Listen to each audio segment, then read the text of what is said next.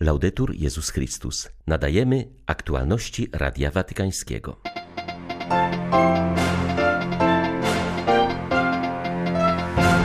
Jak dzieci w rodzinie przy chorej matce, tak wy trwacie wspólnie przy waszej cierpiącej matce Ukrainie, powiedział papież do członków Ukraińskiej Rady Kościołów i organizacji religijnych.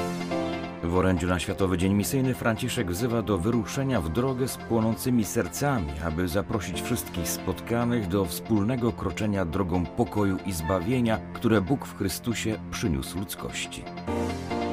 Nuncjusz apostolski arcybiskup Salvatore Penacchio zakończy wkrótce misję przedstawiciela Ojca Świętego w Polsce. Został mianowany rektorem Papieskiej Akademii Kościelnej w Rzymie. 25 stycznia witają Państwa Krzysztof Bronk i ksiądz Krzysztof Ołdakowski. Zapraszamy na serwis informacyjny. Nie ulegajcie zwątpieniu, modlę się za was, noszę was w sercu i proszę Boga, aby zlitował się nad tym tak odważnym narodem, powiedział papież, przyjmując dziś wcześnie rano członków Ukraińskiej Rady Kościołów i organizacji religijnych. Skupia ona przedstawicieli głównych religii na Ukrainie, w tym judaizmu i islamu. Papieża pozdrowił przewodniczący Rady, ormiański biskup Markos, który poprosił Franciszka, by przyłączył się do ogłoszonego już na 24 lutego Dnia Postu i Modlitwy o sprawiedliwy pokój na Ukrainie. Szczerze wierzymy, że nasz wspólny głos przeciw rosyjskiej agresji zostanie usłyszany, dodał ormiański hierarcha. Spotkanie trwało około 40 minut. Papież przeprosił przybyłych, że nie może poświęcić im więcej czasu i wysłuchać każdego z osobna. Chciałbym pozostać z wami cały poranek, ale niestety jesteśmy niewolnikami czasu, dodał Franciszek. Wręczył następnie przygotowany wcześniej tekst przemówienia, a w spontanicznych słowach zapewnił o swej bliskości z Ukrainą. Przypomniał, że jego sympatia dla ich narodu trwa od dzieciństwa, kiedy w Argentynie służył do mszy ukraińskiemu księdzu. Jestem blisko Was i regularnie przyjmuję wysłanników prezydenta Zełańskiego. Prowadzę dialog z przedstawicielami ukraińskiego narodu i dzięki temu wiem, co czujecie i modlę się z Wami. Dziękuję Wam za Waszą jedność. Jest to dla mnie coś wielkiego. Jak dzieci w jednej rodzinie, jedno jest tu, drugie tam, ale kiedy matka choruje, wszyscy są razem. Nie liczy się tyle Ukraina żydowska, Ukraina chrześcijańska, prawosławna, katolicka czy muzułmańska. Nie, liczy się Ukraina, matka Ukraina. I wszyscy są razem. To ukazuje tkankę waszego narodu. i jest to wzór w obliczu powierzchowności, którą widzimy dziś w naszej kulturze. W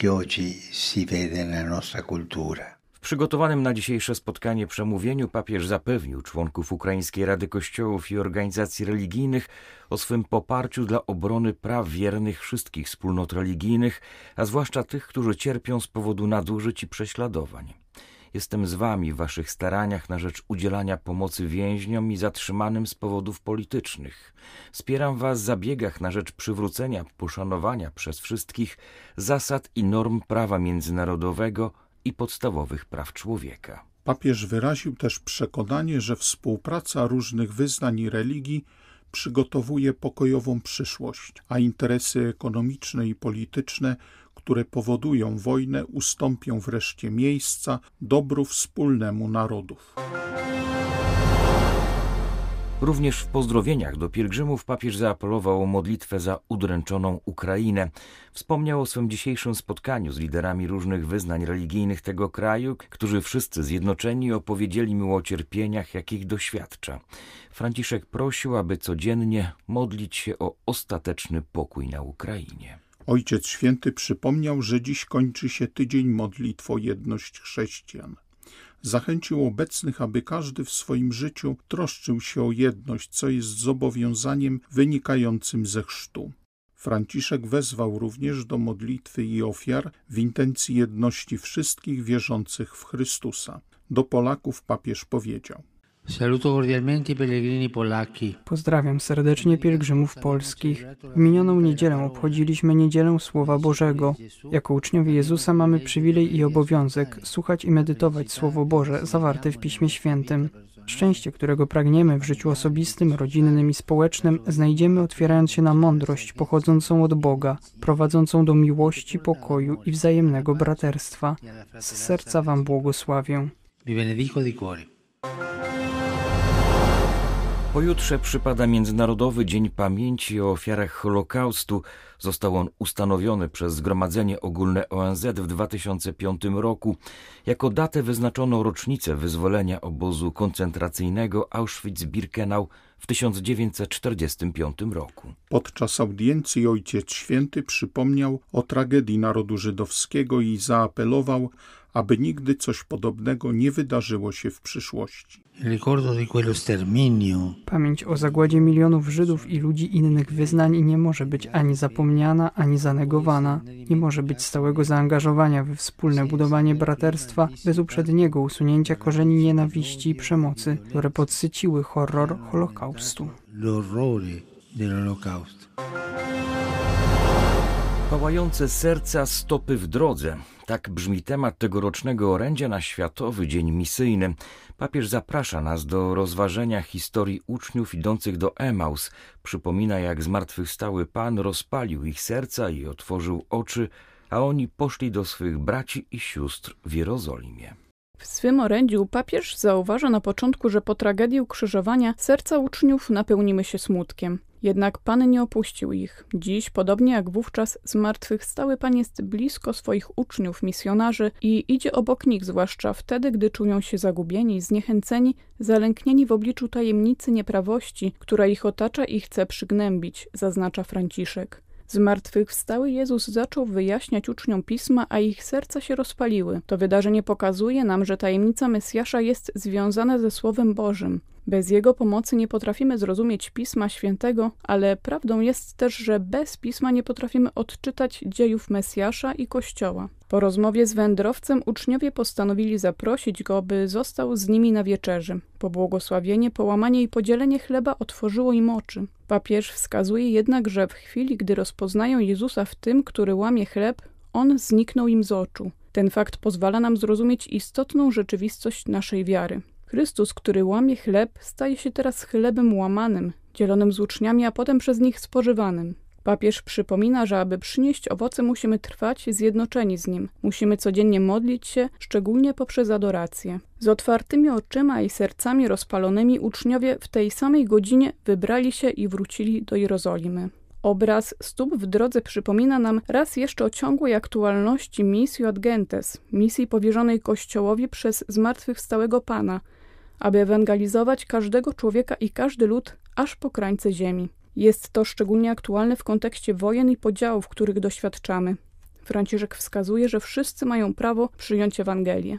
Papieskie orędzie kończy się wezwaniem do kościoła. Zatem i my wyruszamy na nowo. Wyruszamy z płonącymi sercami, otwartymi oczami, stopami w drodze, aby rozpalić inne serca Słowem Bożym, otworzyć inne oczy na Jezusa w Eucharystii i zaprosić wszystkich do wspólnego kroczenia drogą pokoju i zbawienia, które Bóg w Chrystusie dał ludzkości. Papież skierował wideo przesłanie do portugalskich rodzin, które będą gościć w swych domach uczestników Światowych Dni Młodzieży. To prawda, będzie trochę starań i niewygody, ale w ten sposób otworzycie się na świat, zrelatywizujecie swoje pewniki, zobaczycie, że można wierzyć inaczej, powiedział Franciszek. SDM w Lizbonie odbędzie się od 1 do 6 sierpnia. Swój udział zgłosiło już ponad 400 tysięcy młodych. Przyjmując ich pod swój dach, wasza rodzina się powiększy, mówił Franciszek. Przyjmiecie ich do swoich domów i to zrewolucjonizuje trochę wasze życie. Mówiąc krótko, będzie niewygodnie. Wy jednak jesteście w tym wspaniałomyślni. Robicie to nie tylko po to, by służyć, co samo w sobie jest już wielkie, ale by otworzyć się na młodych, na inne kultury, na inne poglądy na życie. Ci młodzi owszem przyniosą do waszych domów pewne kłopoty. Będzie niewygodnie, będzie trzeba popracować, ale pozostawią zasiew innej kultury, zasiew innych poglądów, i zrelatywizują każdego z Was. Tak wiele pewników, ponieważ zobaczycie, że gdzie indziej może być inaczej. Będą Was uniwersalizować. Przyjmiecie młodych ze wszystkich zakątków ziemi. Wydaje się, że to nic takiego, bo każda rodzina przyjmie jednego lub dwóch młodych, a jednak w nich jest wszechświat, który spotka się z Waszym doświadczeniem. Młodzi obcokrajowcy mówią, że najwięcej doświadczeń zdobywają w goszczących ich rodzinach. Oni tak twierdzą, a w Was pozostanie przekonanie, że można być chrześcijaninem inaczej, w innej kulturze, z innymi poglądami. Na tym polega uniwersalizacja, otwarcie horyzontów. Esto se llama universalizar, abrirse al horizonte. Arcybiskup Salvatore Pennacchio wraca do Rzymu. Papież mianował dotychczasowego nuncjusza apostolskiego w Polsce nowym rektorem Papieskiej Akademii Kościelnej w Rzymie. Jest to uczelnia, która od ponad 300 lat przygotowuje młodych kapłanów do posługi w dyplomacji watykańskiej. O swojej nowej misji poinformował również sam nuncjusz w ogłoszonym dziś liście. Precyzuje, że swą posługę w Polsce sfinalizuje w najbliższych tygodniach, dziękując zarazem swym drogim przyjaciołom w Polsce. Dziękuję za wspaniałe przyjęcie, jakiego od Was doświadczyłem podczas licznych spotkań duszpasterskich. Otaczam Was moją wdzięczną modlitwą i nadal liczę na Wasze wsparcie duchowe i przyjaźń.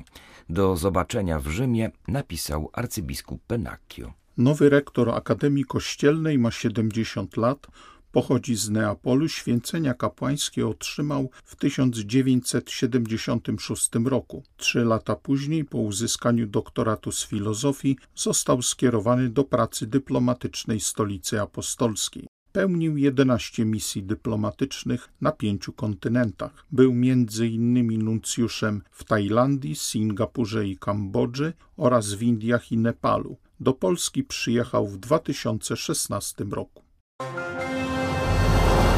Szanujemy i uznajemy odmienności w innych kościołach, o ile są to kwestie służące pojednaniu, a nie podziałowi, mówi kardynał Kurt Koch, przewodniczący dykasterii popierania jedności chrześcijan.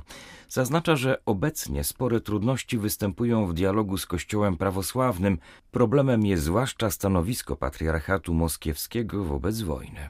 W wywiadzie dla telewizji EWTN szef watykańskiej dykasterii podkreśla również, że nadchodząca podróż apostolska do Afryki będzie miała charakter ekumeniczny. Kardynał Koch przyznaje, że sytuacja w regionie jest bardzo trudna i trwają wojny domowe zarówno w Demokratycznej Republice Konga, jak i w Sudanie Południowym. Zaznacza, że w tych warunkach katolicy, anglikanie i prezbiterianie współpracują na rzecz pojednania. Ta wizyta apostolska Ojca Świętego w Sudanie Południowym będzie wspólną pielgrzymką arcybiskupa Canterbury Justina Welbiego oraz przewodniczącego kościoła prezbiteriańskiego i papieża, ponieważ wszystkie te kościoły pracują na rzecz pojednania w tym kraju i to jest bardzo piękny przykład na przyszłość. Wszystkie kościoły pracujące razem na rzecz pokoju w tej bardzo trudnej sytuacji. Relacje z Kościołem prawosławnym stały się obecnie o wiele trudniejsze, ponieważ w świecie prawosławnym jest wiele napięć i podziałów. Poprzez dialog między Kościołem katolickim a Kościołem prawosławnym chcemy na nowo odkryć jedność. Jednak te napięcia w świecie prawosławnym to utrudniają.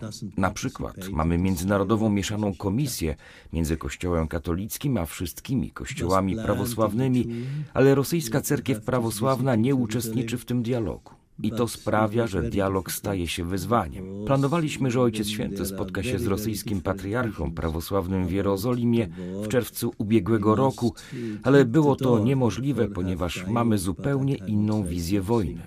Jednak musimy zachować drzwi otwarte dla dialogu. Były to aktualności Radia Watykańskiego.